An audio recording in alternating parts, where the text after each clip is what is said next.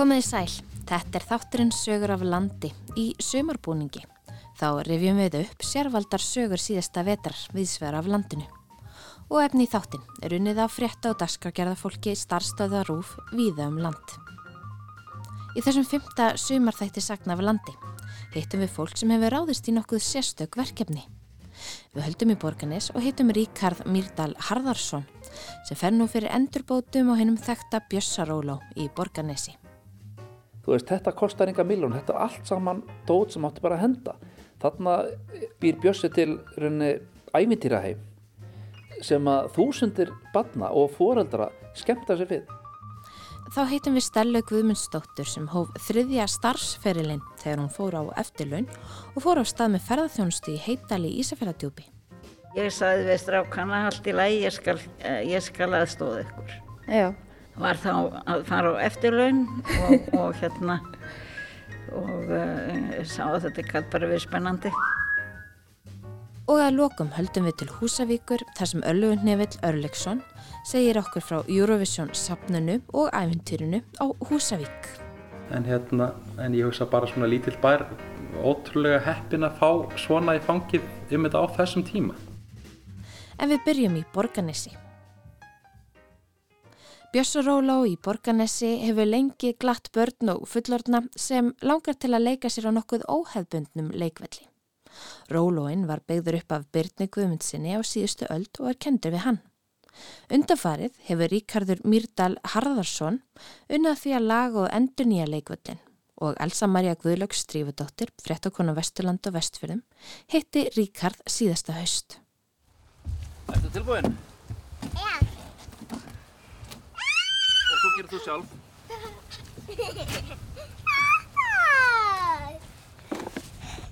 Sko, Björsaróló er svona mjög sérstakur staði sem er hérna neðar í, í borgarnasi og hérna við krakkarnir hérna köllum þetta nú alltaf bara settutanga. En, ég, en hann heitir Vesturnes. Og Bjössi hann eh, átti hús og byggði hús sjálfur þarna á Helgagötu 1 sem er þarna bara við hliðina. Og þar fyrir neðan stóð nú hús lengi sem var kallað lofið. Síðan var þetta hús nú orðið lélegt og, og var nú svo, rifið. Og þá allt öfunu opnaðist þarna svolítið skemmtilegt svæði að því að þetta er hérna svona niður í svona skemmtilegur laut og hérna mjög veðursælt og, og gott. Og Bjössi hann uh, svona tók þetta svæði bara svolítið að sér. Það baða hann ekki um það og hann hefur ekki tvengið neitt leifi fyrir því og gerði þetta bara svona eins og menn gerði og, og þarna fór hann að smíða leiktæki og held ég fyrst bara fyrir badnabötnið sín og hugsaðlega svona krakkaði gutinni og hann byrjaði að smíða þetta 1979 minna mig og bætt alltaf við svona tækjum. Hann vann stóran hlut af starfstæfinni hjá Kaufélag Borfyrringa og þeir voru með náttúrulega byggingavöru deild og, og Bjössi var svona eila húsverður bara hjá Kaufélaginu sem að Kaufélag Borfyrringa sem að var reysa vinnustæði með, með sláturhús og bílastöð og, og kjötvöslur og ég veit ekki hvað og hvað. Og hann var húsverður fyrir þetta og í öllum þessu fyrirtækjum og þá, þá náttúrulega var alltaf eitthvað efni sem að Bjössi sapnaði og, og rauninni gemdi og þessi kynslu náttúrulega nýtti allt. Það er eiginlega allt öðruvísi heldur en, heldur en í dag það sem öllur hend En Bjössi og Bjössaróló þessi maður sem tekur þennan blett þá ákveði ástfóstri og, og fyrir að byggja upp. Hvaða maður var þetta? Sko Bjössi var alveg upp á ferjapakka og eh, hann fluttir enda tvítugur hérna hingaði í Borganes en hann er svolítið skemmtilegt að svona heila hans fyrsta svona alvöru, svona alvöru vinna. Það var að hann var yngsti smiðurinn sem hann var að smíða kvítarbrú og sem hann var klárið 1927 og þetta er eitt af svona undrum íslenskara byggingasögu og stendur náttúrulega enn þessu brú og margir þekkja og minnast. Og síðan runni er, er Bjössi í þessu 2-3 árið eða hvað það er og kemur svo hérna niður í borganis og nú þekki ég nú ekki alveg, alveg alla hans hérna starfsafi en hann var til með slökkulistjóru hérna í borganesi og, og gekk þá undir nafnunu held ég Bjössi Buna af mörgum. Og, og hérna síðan var hann svona lengstan hluta starfsafinur og alveg til loka. Og, og þegar ég segi loka að þá sko vann hann mikið lengur en hann mátti sko, hún var eiginlega að verið sagt upp sko þegar hann var komin aldur. Þá var hann bara sagt upp. En hún var alveg sama, hann mætti bara samt í vinnuna, hann sagði að kaufélagi getur bara ekkert verið ánsinn sko. Það, það, það er margar sögur af, af, af þessu þannig að hann mætti bara samt í vinnuna. Sko eins og þessi kynnslóð sem að þekkir ekkert annað en vinnu og alla þess að hörku að, að sko hann var alltaf að. Þú veist maður kom aldrei sko hérna heim til hans að hann var ekki að gera eitthvað sko. Hann var náttúrulega með aðstöði í bílskotnu hjá sér og það sem hann var alltaf að smíða eitthvað og svo var hann líka bara hagmæltur og, og svona, þú veist, mikill svona lífskungsnir Og, og þú þekktir Björsa persónulega og, og svona ákveður að leggjast í þetta verkefni að endur gera horfin leiktæki á leikvellinum. Já, sko ég hef búin að hugsa um þetta í mörg ár. Hérna þegar að Björsi er nú orðin hérna orðin háaldraður að þá fer hann hérna á dvalarheimili hérna í Borganesi og ég og, og uh, fyrirvændi kona mín hérna við kaupum húsið hans. Og þegar við byggum þarna sem er nú bara við hliðina á Björsarólu að þá rauninni fór ég stundum og lagaði bara, það var svona ímislegt bara svona sem að, þú veist, þurft að laga. Og ég gerði þetta nú bara oft svona óbeðinni sem maður segir. Og ég sá að það var kannski ímislegt svona sem ég myndi eftir svona eitthvað tæki og mér fannst kannski vant að það var að setja sniður og svo var náttúrulega ímislegt orðið fúið og svona þurft að endur nýja og það hefur verið gert. Óli Axels, hérna bráðlegin smiðurinni borgarins og fyrirtækja hans, þeir hafa lagað þarna ímislegt ekki um tíðina. En svo langaði mig til endurvekja það því Bjössi var með ljóð og hann var með svona spagmæli og svona ímislegt á vellinum og gestabók og allt þetta. Og svo voru aðalega þessi tvö leitæki sem að menn minnast og það var ringekja sem að svona krakkarnir stóði og, og snýru sér. Og síðan var klefugrind meðal annars og síðan hérna voru þarna bekkir og borð. Þannig að fólk geti til sig niður og, og drukki nesti sitt og svo leiðis og mig, ég hef búin að vera að hugsa um þetta í mörg mörg ár. Og svo náttúrulega bara er hérna, ástandið hérna, þannig að það er náttúrulega ekki hægt að gera allt. Að, hérna, það er mikið að gera í, í, í hérna, vaksandi bæ. Og ég hugsaði út af hverju geri ég þetta bara ekki? Þannig ég ákvaði nú bara svona inn á Facebook grúpunni hérna í borgarinsi að, að stinga upp á því hvert að hvort að menn væri ekki hlindi því að, að, að, að eitthvað þessu er þið endurvækið og tekið í gegn. Og þá bara svona í sjálfbóðafinnir sem að þetta er allt sama gert. Og það voru svakalega góð viðbröð við því. Og þá hafði ég nú ekki sjálfa mér endar í huga. En svo líður nú tímin og menn svona ég varpa nú boltan og svolítið yfir á borgarbygð og hérna menn er allir að vilja gerði það til að, hérna, að gera þetta. Svo dettu mér nú bara í huga einn daginn að fara bara niður á bæjarskrafstöfu og tala við bæjastjóran og hún tekur þessu bara svona rosalega vel. Og mín hugmynd var þá að ég sagði sko, ég sagði nú kannski hérna, veist ekki að ég er nú smíðað bara frá því að ég var krekki og allt þetta. Hún vissi það nú reyndar. En ég sagði að ef ég ger þetta að þá vill ég gera þetta með sömu hugssjón og Bjössi var drifin af.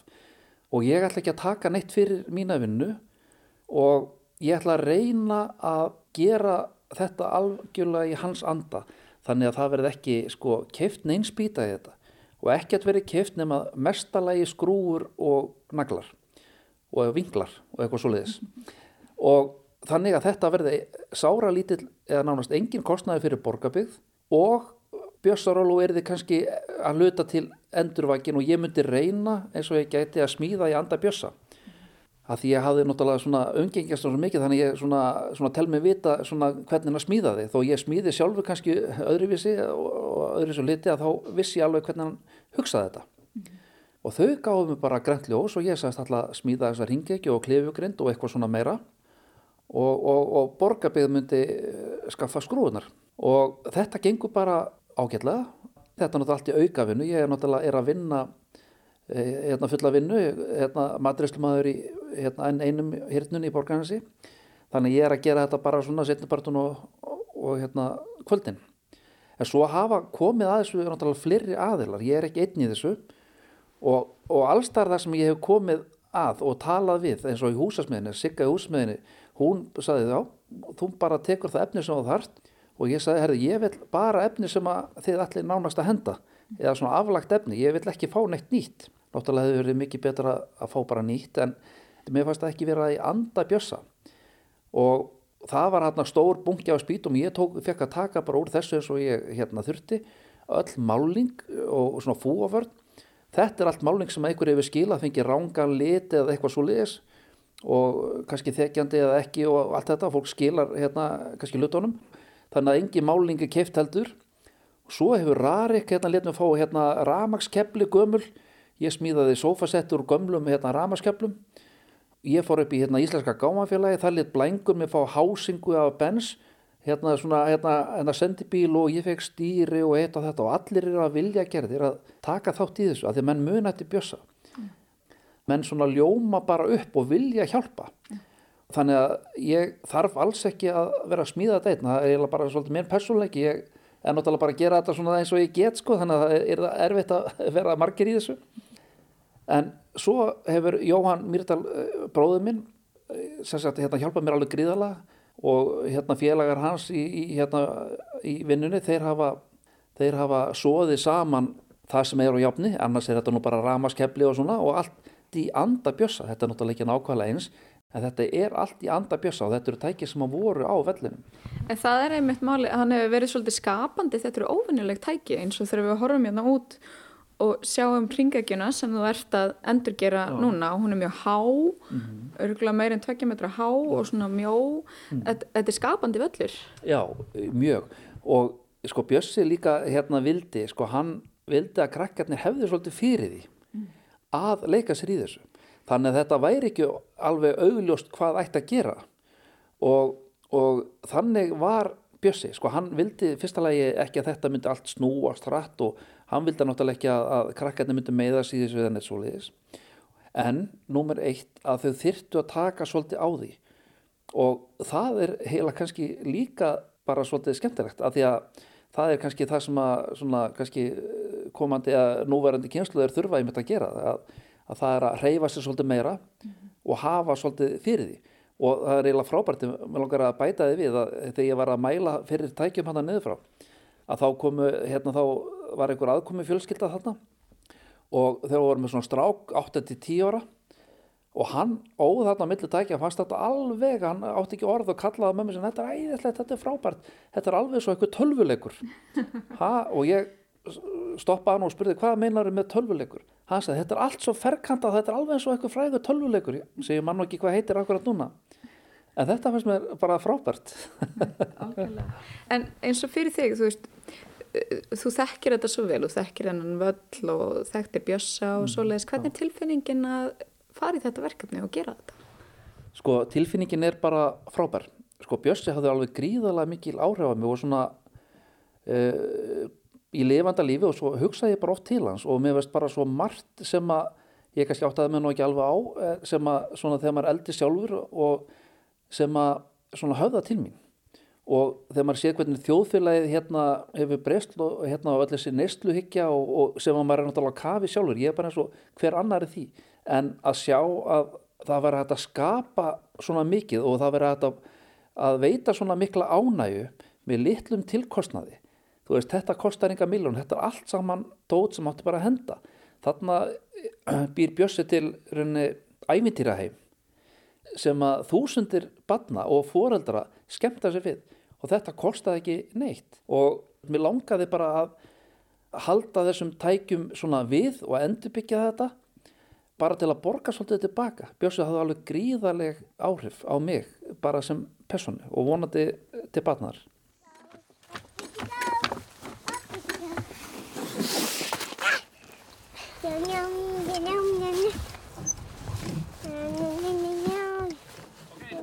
Lifta höndum. Elsa Maria Guðlaugs Drífudóttir rætti við Ríkard Myrdal Harðarsson sem hefur unnið að endurbótum á Bjössaróló í Borganissi. Þá höldum við í Ísafjörðadjúp. Stella Guðmundsdóttir, ferðarþjónustupondi, hefur staði vaktina í Heital í um 20 ár. Ég rendi við í Heital á fallegum vetardegi fyrir þessu ári og hitti þar Stellu og Páfagaukinn Koppa.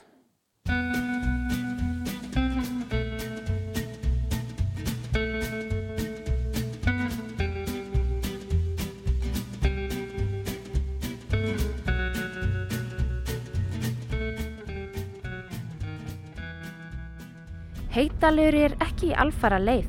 Hann er innanlega í vestanverðum Jóafyrði í Ísafjörðardjúpi sem hefur nú verið brúaður utar og er því jafnan ekki á leið þeirra sem akka styrstu leiðum djúp. Í þetta skiptið er ég ekki á hraðferð og begin fjörðin rétt við Mjóafjörðabrú og ekk nokkra kílometra þar til ég kem að afleggjaranum í Heidal.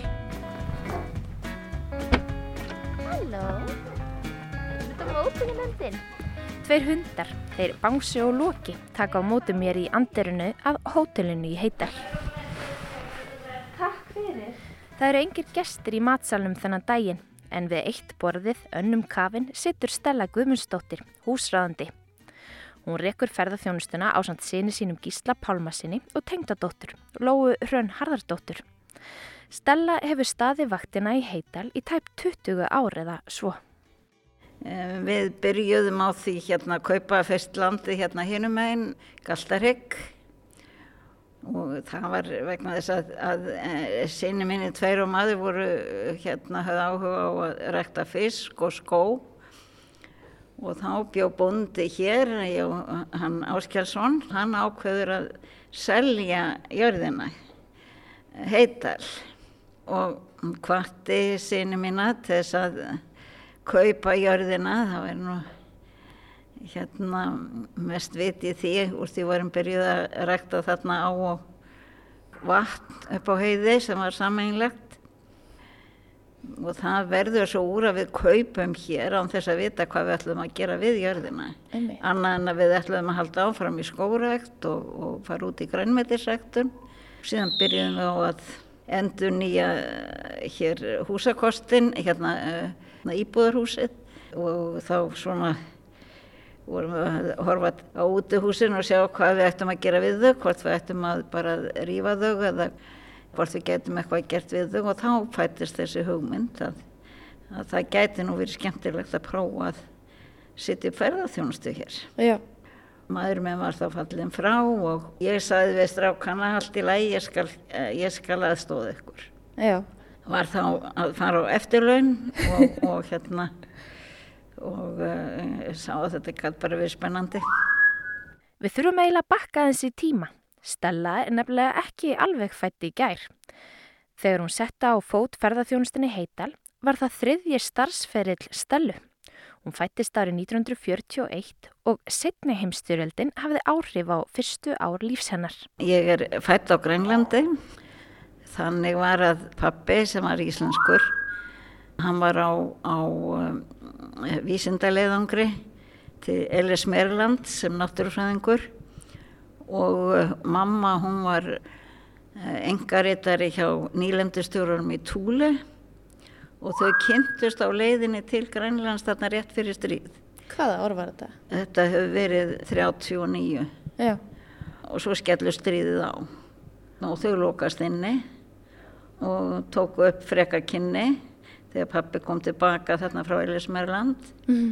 þau gifta svo í Túlu og síðan setjast þau að í Asjad þarna í diskoflóanum og þar fæðist ég. Já, síðan fekk pappi sem að var na, mjög hæfur kennari að hann fekk fyrirskipun um það hann gæti ekkert ráðið því sjálfur. Hann fekk bara fyrirskipun um að hann ætti að fara til Núk og kenna við kennaraskólan þar og það var bara að pakka saman þarna í flytti og farið þangað og, og þar fættist bróður minn og við förum þaðan sem sé þegar stríði líkur og já hvert fluttuði þá? Þá fluttum við eitt ár til Danmörkur því að uh, pappi vildi taka kænslufræðina með í þessu kantmaknámi sínu og svo komum við til, til Íslands. Já. En þú sagðir að þú varst að byrja á eftirlaunum þegar þú fórst út Já. í þetta. Hvað gerður þér áður? Ég var skólastjóri í 20 ár í, Já. í Kópavogi Mm og uh, kennari í 20 ár þar undan. Ég veit. Ég kendi sem sé bæði eh, í Degranesskóla og svo í æfingaskólanum og í kennara og svolítið aðeins í kennaraháskólanum. Ég var með kennslufræðin í dönsku í, þar og síðan tók ég við fyrst Degranesskóla í tvö ár og svo átján ári í kjallaskóla. Já, það sem varst skólastjóri. Og þess að ég var skólastjóri, já. Veit. Og varstu skólastjóri þá, þangað til að, að, þú fórst á eftirlein? Já, ég var, skó, uh, var það og svo var ég aðeins tengd við skólan í tvö árum meðan uh, við vorum að koma þessu stað hér. Mm Svo Svo hófst, fór ég al, alveg hinga, já, og núna býrðu alfarið hér, er það ekki? algjörlega. En hvernig, hvernig finnst þér að, að hefja svona nýtt starf þegar þú í raunin ert búin að vera í öðru starfi svona lengi og undan? Þetta er náttúrulega bara áskorun, þetta Já. var áskorun að, e, þetta var náttúrulega mikil áskorun að og hvort að yfir höfuð væri hægt að reka ferðarþjónustu á svona stað eins og þessum hérna. Þetta er náttúrulega fyrir þann tíma sem að sem að e, ferðarþjónustan er orðin jafn stór e, þáttur í, í, í, í Ekki svona ráðandi atvinnuvegur eins og hann er í dag? eins og í dag, Já. nei, nei, alls ekki. Þannig að þetta var áskorun. Já, sem var spennandi og mér hefur alltaf fundist það mjög spennandi sko. sem skólastjóri þá sett ég á stofn nýjan skóla og, sem ég byggði upp og nú er þetta sem sé þá svona ferðamannastaður sem er byggður upp alveg frá grunni. mhm. Og hvers er þið fyrir þér að, halda þessu lengi áfram? Já, það veit maður náttúrulega ekki, það heilsa verður bara að ráða því Já. og hvenar eh, fólk verður orðið mjög leitt á manni, sko. En við verðum eiginlega að kynna þennan þriðja einstakling í, í, í samtalinu hérna. Já, Hann leggur sitt til málana, þetta er hann Koppi. já, það er ekkert auðvelt nefnilega að stjórna alveg hvenar hann talar En Koppi er mjög vinsæl hér, sérstaklega hjá, hjá krökkum já, og uh, hann er sem sjóður 21 árs.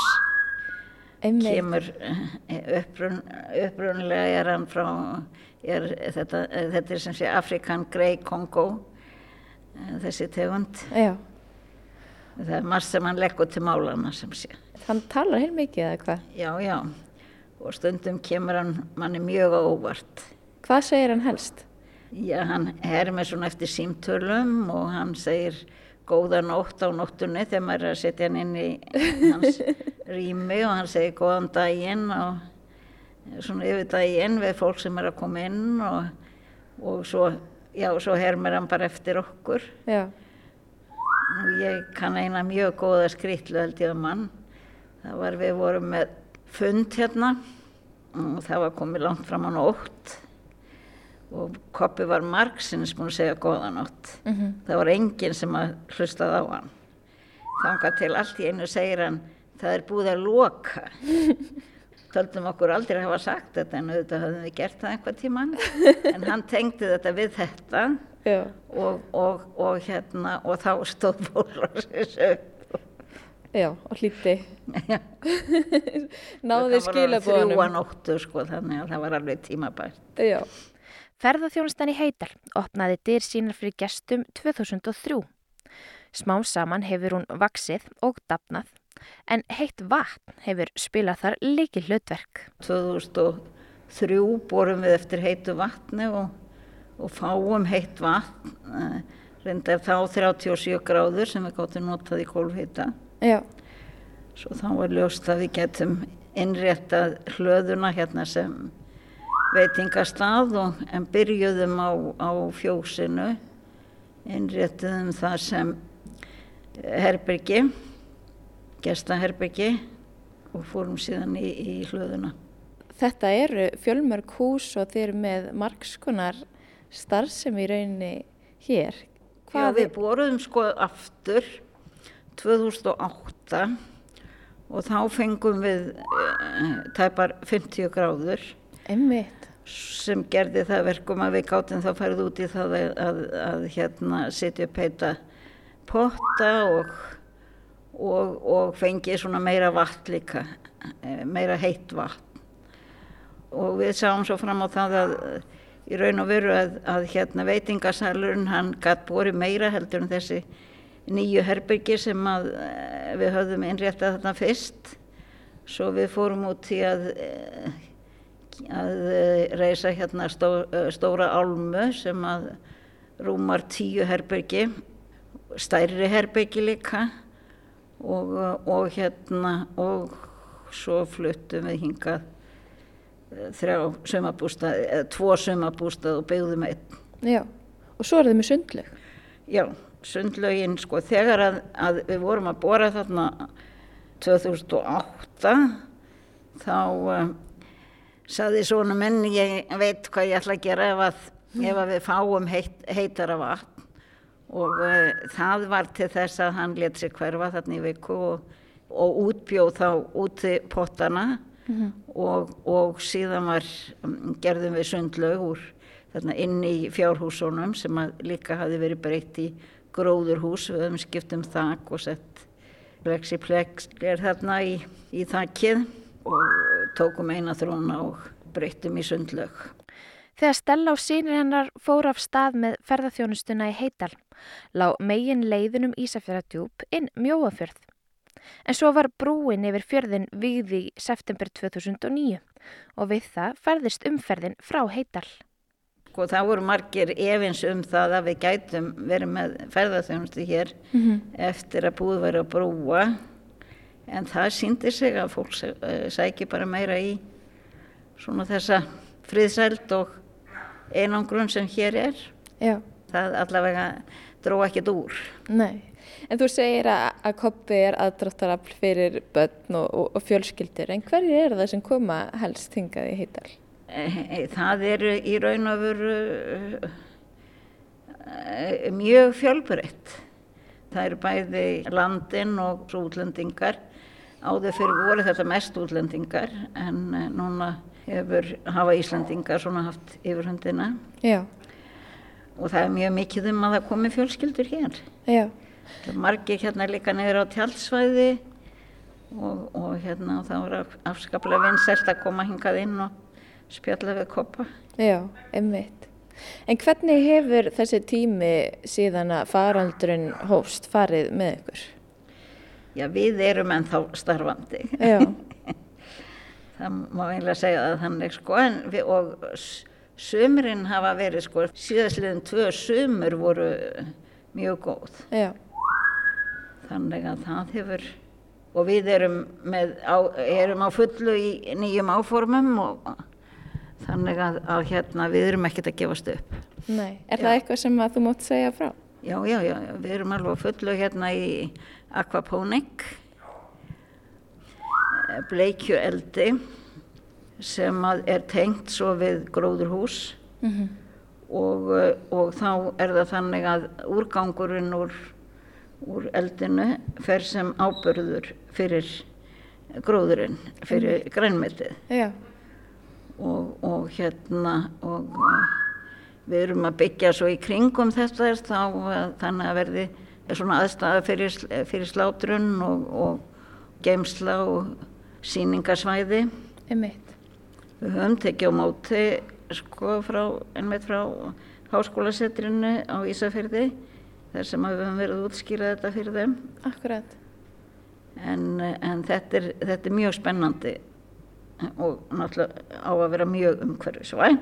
Já, sjáu þetta fyrir ykkur sem hluta starfseminni hérna og jafnvel að þetta sé þá eitthvað sem þið geti nýtt í ykkar matagerð og, og, og Já, ferðarþjónustu. Við gerum það þegar, Mm við nýtum fiskinn og, og síða, uh, síðlega sumars í ár þá, þá vorum við sjálfbær alveg á allt salat og svo leiðis. Já, Og við höfum svo verið með, reynda með gróðurhús líka inn í dal þar sem við höfum verið með uh, afturblómkál og spergilkál. já, Við reynum svona að vera einn sjálfbær og við getum og uh, getum náttúrulega aldrei orðið sjálfbær að öllu leiti. nei, en að svo miklu leiti sem við svona teljum okkur geta. einmitt, hljómar vel. Gangi ykkur eh, vel með næstu verkefni og, og, og samstarfi með honum Koppa hérna áfram sem Já, lagði þakka sitt, sitt til málana í þessu viðtali.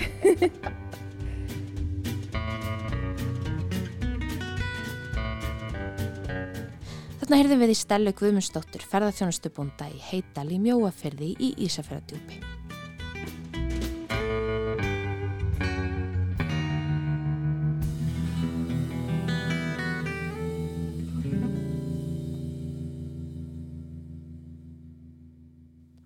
Og þá er ferðin heitir Norður á Húsavík. Örlaugur Nevill Örleksson hefur verið driffjöður í Eurovision-æventrunu Mikla á Húsavík. Óðinsvann Óðinsson hitti Örleik Nevill og forvitnaðist bæðum Eurovision myndina og sapnið og svo aðeins um sögu Örleiks Nevill sjálfs á Húsavík.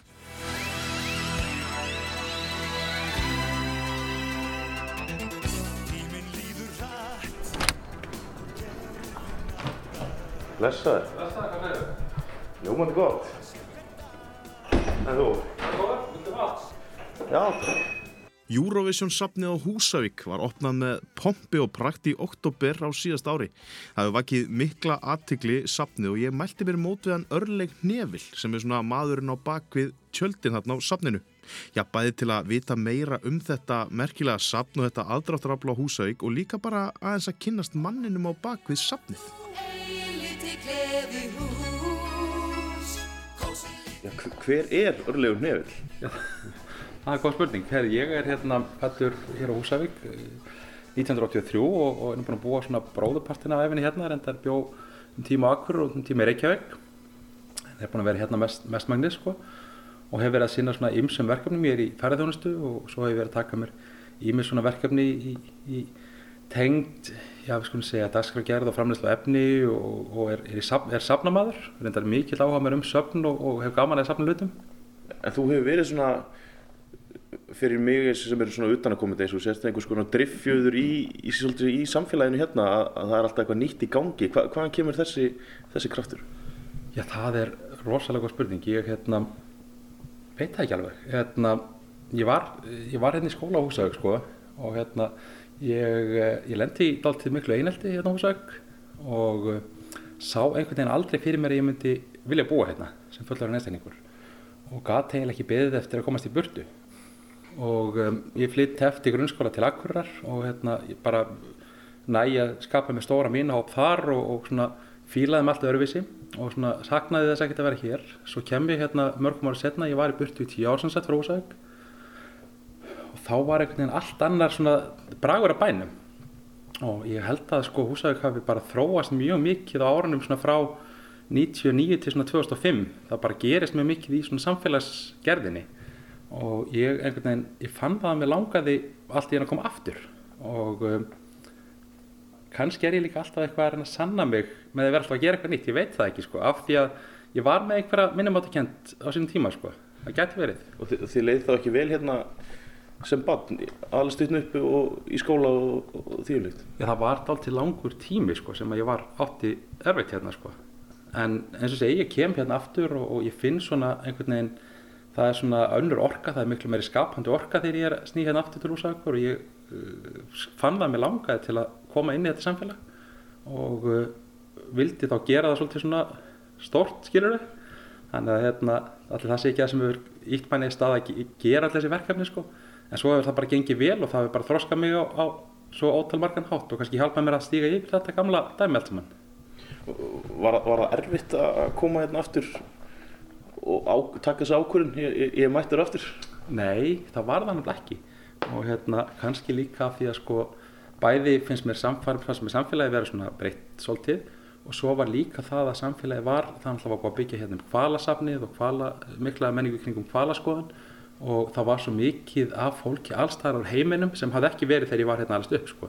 allt í henni var þetta orðið svona fjölþjóðlegt samfélag það er alltaf stort samfélag pólst hérna núna það er mikið af ítölum hér á Húsavík og svo bara er á hverju sumri kemur hér stór hópar af fólki allstæðar á heiminum til að vinna í ferðarþjónustu og, og söfnunum hérna og þetta svona þetta kryttar samfélagið og hérna kannski á sumanátt kom ég inn í annað samfélag uh, af fólki en líka kannski að fólki sem var fyrir var búið að breyta svolítið og, og svona samfélag var allt í einhvern veginn miklu opnara fannst mér. Þú kemur hérna ungu maður aftur tilbaka og staðræðinni eins og þú segir sanna þig. Hva, hvað var það fyrsta sem þú gerir? Herru, við, hérna, við fórum í það að byggja upp uh, gistið þjónustu og, hérna, og það gekk, gekk bara mjög vel þannig að við, við vorum fyrsta árin bara mikið að stækka hana vorum um tíma að reyka hér fimm gistuhús í bænum en þá var það svona alltaf mikið og, hérna, og við erum sem betur fyrir búin að fækka því við erum núna, núna bara með gisting á einum, einum stað og leggjum áherslu á það. En svo eru byggt svolítið ofan á það, hérna, þú vilt að fólk hafi eitthvað að gera þegar það kemur til húsavíkur annað en að hérna, gista og fá sér að borða? Já, já, ég hef búin að byggja upp uh, á senustu tíu árum tvö söfn og annað er, er safn sem er, er helgað landkonnuðum og, og landkonnum og ég er svona, uh, ég fekk áhuga því að því að Ísland á svo marga skemmtilega tengingar, tektast að kannski að þess sem ég verið að fellum er, er sagan af amerísku geimförunum en það er svo margt annað í því, það er sko, hér hafa, hér voru pólfaradir á sín tíma að æfa sig á, á jöklunum okkar og, og, og og Vegner sem kom með landrækskenninguna, hann var hér á þessum slóðum og, og sér hér í landslæginu allt sem að stiði við hans kenningar og það er svona margar sögur, náttúrulega vikingarnir hér á sín tíma, þannig að þetta er svona, þetta er, Ísland er svolítið svona land, landkunnuða og mér finnst það heillandi og, og fór að byggja upp það safn. Svo kemur Eurovision myndin og þá hefst annað æfintýri sem er, er það safn sem við erum búin að byggja upp núna sem er um, um, um, um Eurovision keppnina og þessa mynd Þannig að hérna, ég hef, gaman að hanna síningar og sapna saman munum og, og, og púsla þessu svona saman. Þetta er, þetta er svona gefandi vinna finnst mér. Núna ertu hjá mér, Nína Stríkur mér um vangan, Nína Nú eru alltaf með Step og Eyvi sem eru hér eh, til sínis, jakkarnir þeirra. Þeir eru koma hér eftir nokkra daga til að þetta tónleika og ég hlakka til að smetla mynda þeim hérna fyrir framann jakkana sinna gamlu sko. Þetta er passíðu, eða þá? Já, það er náttúrulega langt segðan þeir fóru í þá fyrir myndatöku sko. En hvernig, þú veist, hér er hérna kjóllin sem að Jóhanna Guðrún var í gleðibongabúningurinn Þetta er eitt lag enn. Eitt lag enn, það er hérna, hvernig gekk þér að, að safna þessu saman?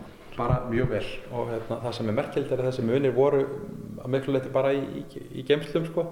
Þannig að hérna, það var nú það sem við, einmitt, svona, við að, vita að þessi hlutir var að koma úr korsum ekki staðar og var að fara að gleðja fólk aftur. Og mér finnst það skemmtilegt. Og þeir eru að gera það, fólk, fólk sérstaklega Íslandingar sem koma þetta, fólk þekkir þetta allt um leið. Já, já, það þarf ekkert að segja að þetta sé gleðibongabúningurinn sko. það sést, sést langa leiðir sko, þannig að hérna, það er, ég, ég nýt þess að vera hér að lappa með, sérstaklega með Íslandingar sko, sem að þegar ég lappa inn í þetta herbyggi með öllum þessum sögum sko, að hérna, sjá hvernig fólk ljómar upp. Þessi Eurovision mynd, Will Ferrell og þetta var svakalt æfintýri. Þú, þú komst nú svolítið að þessu, þessu verkefni, ekki? Jú sko, ég kom mikið að þessu svona í eftir að myndin var komin út skulum við segja. Ég, hérna, ég, við vorum auðvitað þjónusta hér tökulegið á sín tíma þegar við vorum að taka upp myndina.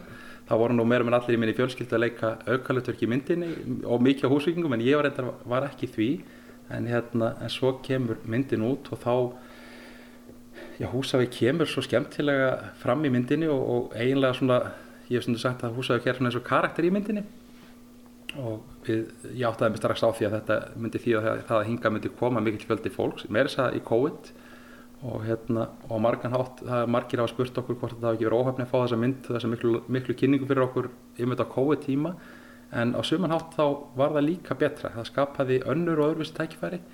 Myndin endar á þessu fallega lægi húsaukulæginu sem er heim, óður til heimabæjarins og ég held að margan hátt út af COVID þá hafi þetta lag snert sterkar við fólki heldur en það hefði kannski gett annars af því að margir bara, í, mikið af fólki var kannski fast lántað heiman eða frá sínu fólki og svona það að huglega heima bæin eða sína rætur og það sem við erum að gera hér í þessu viðtali þetta var svolítið svona þemað í fólki einmitt á þessum tíma. Sumir voru fastir heima líka þannig að heima var svona svolítið stert, stert svona í, í vitund fólks held ég á, einmitt á þessum tíma þegar myndið kom út og þess vegna kannski virkaði þetta lag um Húsavík svona stert á alla, það var ekkit endilega um Húsavík, það var bara um þessa tilfinningu. Það að eiga sér einhver, einhverja rætur einhver staðar annar staðar en þú ert akkurat núna. Akkurat, þannig að hérna, þannig að það, en, en fyrir vikið þetta því að Húsavík er hérna í, í borgurinn í þessu þá náttúrulega vekur það miklu aðtili á okkur.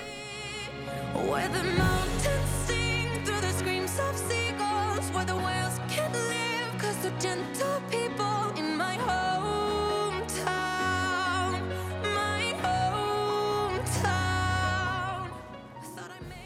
af COVID þá var búið að breyta reglunum fyrir Óskarinn, myndinirinn hefði aldrei átt möguleika á því áður.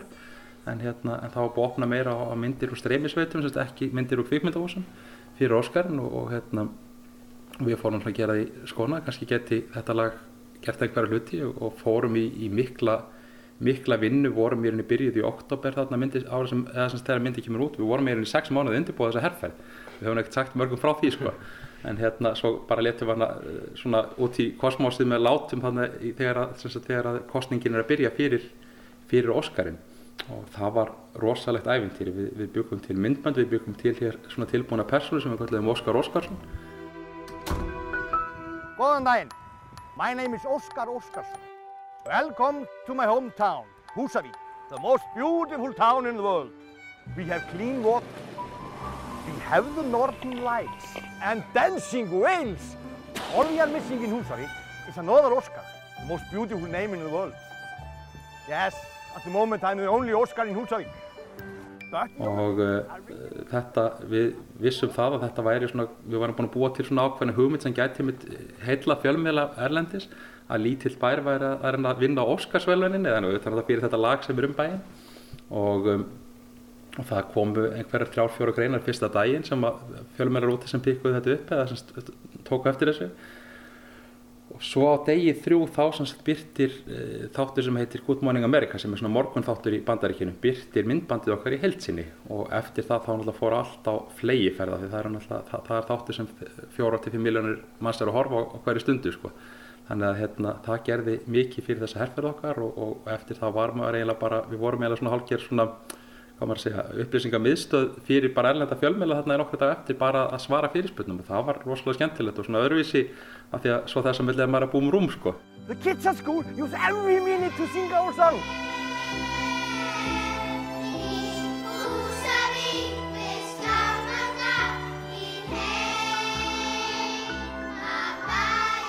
Var þetta bara af ykkar frumkvæði, þetta var ekkert í hérna, aðstandendu myndarnar, höfðu ekkert samband og báðu ykkur að peppa þetta, þið bara hugsu, hérna, hér er tækifæri og, og við viljum já, hamra játni með það heitt. Já, það var þannig sko, við, ég, náttúrulega- ég gerði mig grein fyrir því að þetta væri svona eitt af stóru færum til landkynninga sem voru í bóði þetta, þarna þetta ár sko í kóðinu og eh, en þegar við vorum farin að stað og sérstaklega einmitt eftir að Good Morning America byrtir þetta þá náttúrulega kom allir stóru og eftir New York Times og Washington Post og allir til að fjalla um okkur. Þá voru sendir hér ljósmyndari til, til að fylgjast með okkur hérna að undirbúa þetta fyrir Óskarinn. En hérna en sagt, þegar, þegar þessi stóra umfyllin kom hérna í bandaríkjunum þá uh, byrjaði Netflix að bakka okkur upp og fór svona að íta því sem við vorum að gera meira á framfæri. Og hérna og það var nefnilega merkilegt að Netflix var með var með annað lag sem þeim voru að veðja á í þessum flokki sem besta lagið. Og hérna húsaði var eiginlega ekki það þeirra ratar hérna þegar þeir byrjuðu. Og það er sjást best af því að, að, að það hafði ekki verið gerða neina rástafinni til þess að fá landvist, landvistarleifi fyrir hana Molly Sanden, sænsku söngkonu sem syngur lagið og þegar að þetta er komið svona langt þá var það bara þá sent að, að fara með þessa pappisuna og það reyndar bjóð sér til annað alveg ótrúlega tækifæri fyrir okkur. Og það endaði með því að já, þið voru bara eh, stórt númer á Óskars háttíðin hérna, hérna á Húsavík. Já, fyrir vikið sem stafði að hún komst ekki til bandaríkjana þeir, Netflix stjórnarnir tók, tók nú ekki eftir þessu tækifæri fyrir nú sent sko. þannig að þeir gátt ekki komið henni út og hérna, þá var náttúrulega allt sett að fylgta bara komin í hinga til húsa aukur og við fengum hér tækifæri til að framleiða þrjára og hálfa mínútu fyrir Óskar veluna háttíðin og það var náttúrulega eitthvað sem að mynd svona tækifæri sem hefði aldrei dottið upp í hendunar á okkur nema fyrir bara röð alveg ótrúlega tilvíljana og aðstæðana sem voru í gangi sko.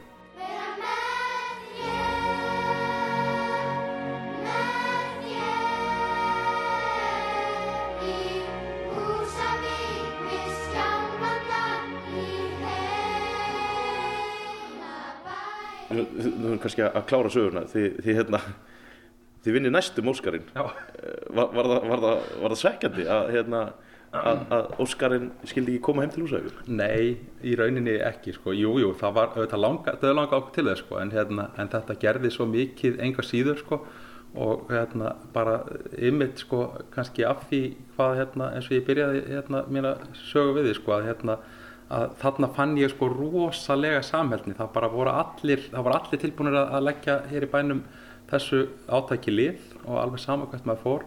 Og það var bara, veist, það var allir stoltir og það voru allir gladir og ég myndi á tíma þegar að hérna, það er bara búið að vera erfitt hjá mörgum og, og í svona bæ eins og Húsavík, litlum bæ sem byggir ákomu mikið á ferðarþjónustu, þetta er búin að vera þungur tími, COVID-tíminn sko, en þarna kemur eitthvað sem alveg er gríðarlega innspýting af gleði og ég hef nú reynda sagt það að þetta Eurovision verkefni allt, ég menna Eurovision er, er svona keppni sem að, sem að fyllir, það er auðvitað að skipta skoðan ráin en hún er, hún er gleði gjafi og hún er saminning líka og, og náttúrulega á þessum tíma sem við erum upplifað núna gríðarlega mikilvæg en, hérna, en ég hugsa bara svona lítill bær ótrúlega heppin að fá svona í fangið um þetta á þessum tíma Það var rauðu dreigill hérna í, í gegnum bæinn og það var öllu til tjálta.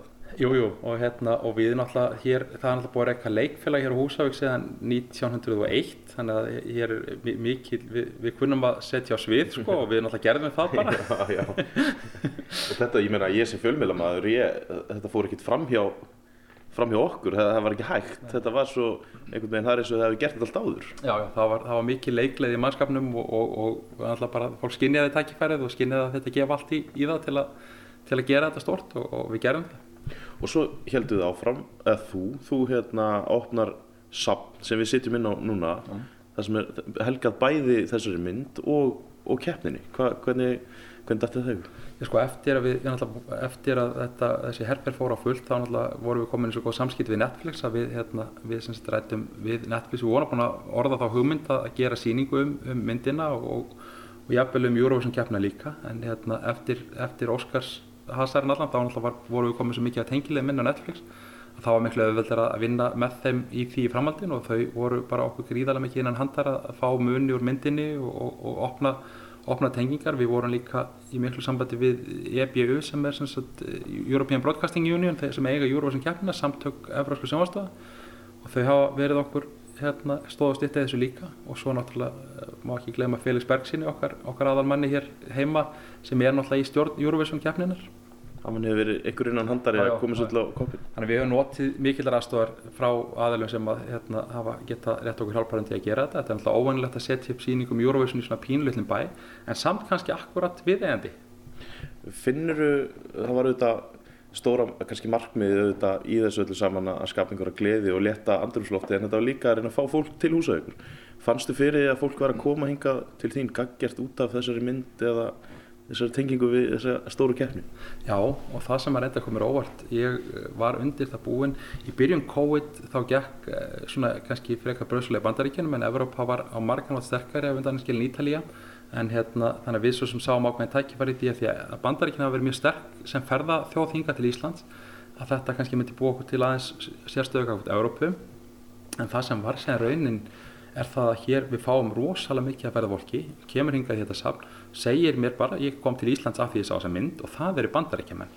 Og bandarækjumenn e, svona upp til hópa vissu ekki hvað Eurovision var, heldur margir þegar sá myndin þetta væri svona tilbúningur einhver en, en hérna en hafa, ég er búin að heyra þetta margóft fólk segir mér það, það sá þessa mynd, svo fer það eitthvað að googla Eurovision, kemst að þetta er alveg keppni og uppgúttar bara 65 ára katalóg af tónlist alveg sko ótrúlega flottri og hérna þannig þetta sko fyrir og þau hafa sagt mér að líka hjá EBU sem að rekka að sko myndin gerði rosalega mikið fyrir keppnina svona á grundve, semst, víðar eða semst, annars þar í Evrópu þar sem hún alltaf er, er þekkt.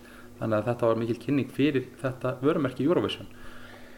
Og uh, við bara tökum þar alla daga hér fólk að koma ymmit út af þessu og, hérna, og þetta er nú að verða, já í sömur er hann tvö senni myndin kom út, manni finnst þetta svo búið að vera stuttu tími en þetta, er, þetta, er, þetta líður og það er samt ennþá að gefa og ég held að ég eftir að gefa mikið í sumar af því að nú eru ymmit stóru hópar af bandaríkjumann að fara að ferðast og Will Ferrell kannski það, var, það sem ég var ekki búin áttum á er svo rosalega á svo stert svona uh, sterkan aðdandahóp í bandaríkjunum og það er hópur sem að einmitt komur óvart er á öllum aldri. Það er búið að vera mikið af eldra fólki sem að kemur hérna og eru bara aðdándur Will Ferrell og, og elska grínið hans sko, og hérna eru það svona komin hingað. Svo ef maður lappar hérna áfram þá er svona einhvers konar vistlusalur og, og önnur sýning tekur við. Það er þá sem er helguð þessari bíómynd sem við hefum talað svo mikið um. Já. Það lítur að vera flóknara að fá muninni úr þessari bíómynd heldur en að heyri Steppa og. Í- Já, já, á margar hátt, en, hérna, en eins og segi, Netflix út af því hvað við vorum að vinna mikið í samtöf við herrferðina þarna fyrir lægið þeirra, þá náttúrulega voru þau mjög viljið til að aðstofa okkur.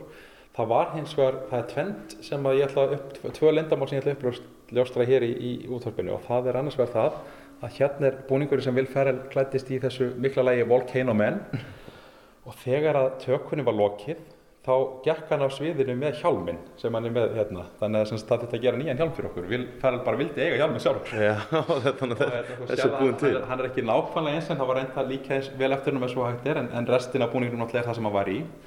Hitt er það að undir þessum ótrúlega flotta jakka hérna sem að Rachel McAdams var í, í tökunni þá hérna, var hún í þessum kjól hérna og hann týndist. Já, þetta er ekki alveg eins kjóp. Nei, það, það er allt hérna inni er sem stór myndinni nema þessi tveir hlutir, það er kjóllin undir þessum jakka og það var nefnilega þannig að þetta kom ekki í ljós fyrir að var farið að taka upp á kossunum mér á Húsavík bara nokkrum dögum árum við ætluðum að opna. Og þá voru góður á dýr og hérna svo uh, horfi ég á þennan kjól og ég horfi á þessar palettur hérna á hann og ég hugsa ég séð þetta áður, þetta munstur allavega og hérna hljóp heim til mín og, og sagði konuna mín að ég ætla að fá brúköpskjólin og hérna og hún var nú svolítið hissa og ég sagði hérna hann verður vel gemdur það sem hann verður. Og hann er, sem sagt, er hér notaður undir þetta undir þennan flotta silfraða jakka og ég sagði henni það að hérna, hann verður bæði vel gemdur hér og ef hún þyrfti hann aftur þá er það nú ekki mitt vandamál Þannig að þetta er brúðarkjóll konuna hennar sem er hérna á sýningu. hún kefti, kefti þau raukalvi sko. en, hérna, en það, það var ekkert hægt að sína jakkan öðruvísin en ofan á svona hvítum kjól sko. Nei, og svo fattar enginn að þetta Nei. nema, nema þú, þú, svo er hendi hérna, hún stakk mér svolítið þegar ég kom. Já. Hvað, hvað er þetta? Þetta er úr eh, svona kannski, við skulum segja, grótalegustu senin í myndinni. Sko. Það hérna, verður sprenging og, og þetta er karakterin sem að ameríska söngkonan Demi Lovato leikur og þetta er endar eitt dýrasti munurinn á sýningunni af því að hendin er sem sagt afsteipa af henn, hún þetta setja hendina onni í svona einhvers konar vökva sem harnar utan um hana og svo er held sílikoni onni eh, eftir myndinni sem verður í. Þannig að þetta er sem sagt afsteipa af hennar hendi, þessara fræðu söngkonu. Þannig að þetta var dýrasti hluturinn eh, á tryggingablaðinu sem við fengum frá Netflix. Þetta er þetta mjög raunverulegt. Já, er mjög, og, og það er mjög ofheld að halda á henni. Hún er svo, þyngdin einhvern veginn er svo akkurat rétt að manni finnst maður að vera svona með alveg hendi í, í fanginu. En uh, ef við förum aðeins tilbaka, öll þessi, öll þessi verkefni, öll þessi æventýri sem þú tekið að þér hérna eftir og komst tilbaka, uh, hvernig finnst þér þetta að hafa hefnast? Líður þér vel á Húsavík og sér fyrir þér að verða hérna gamall maður? Já, ég, ég hef hugsað það mikið, sko. ég, ég veit það ekki ennþá, en í dag liði mig vel og, hérna, og mér gaman að skapa og mér finnst ég hafa svigurum til að skapa hérna, þannig ég vona að ég haldi því áfram. Takk fyrir að fara með mig hérna í gegn og takk fyrir spjallið og gangið vel í næstu æventýrum. Takk fyrir það.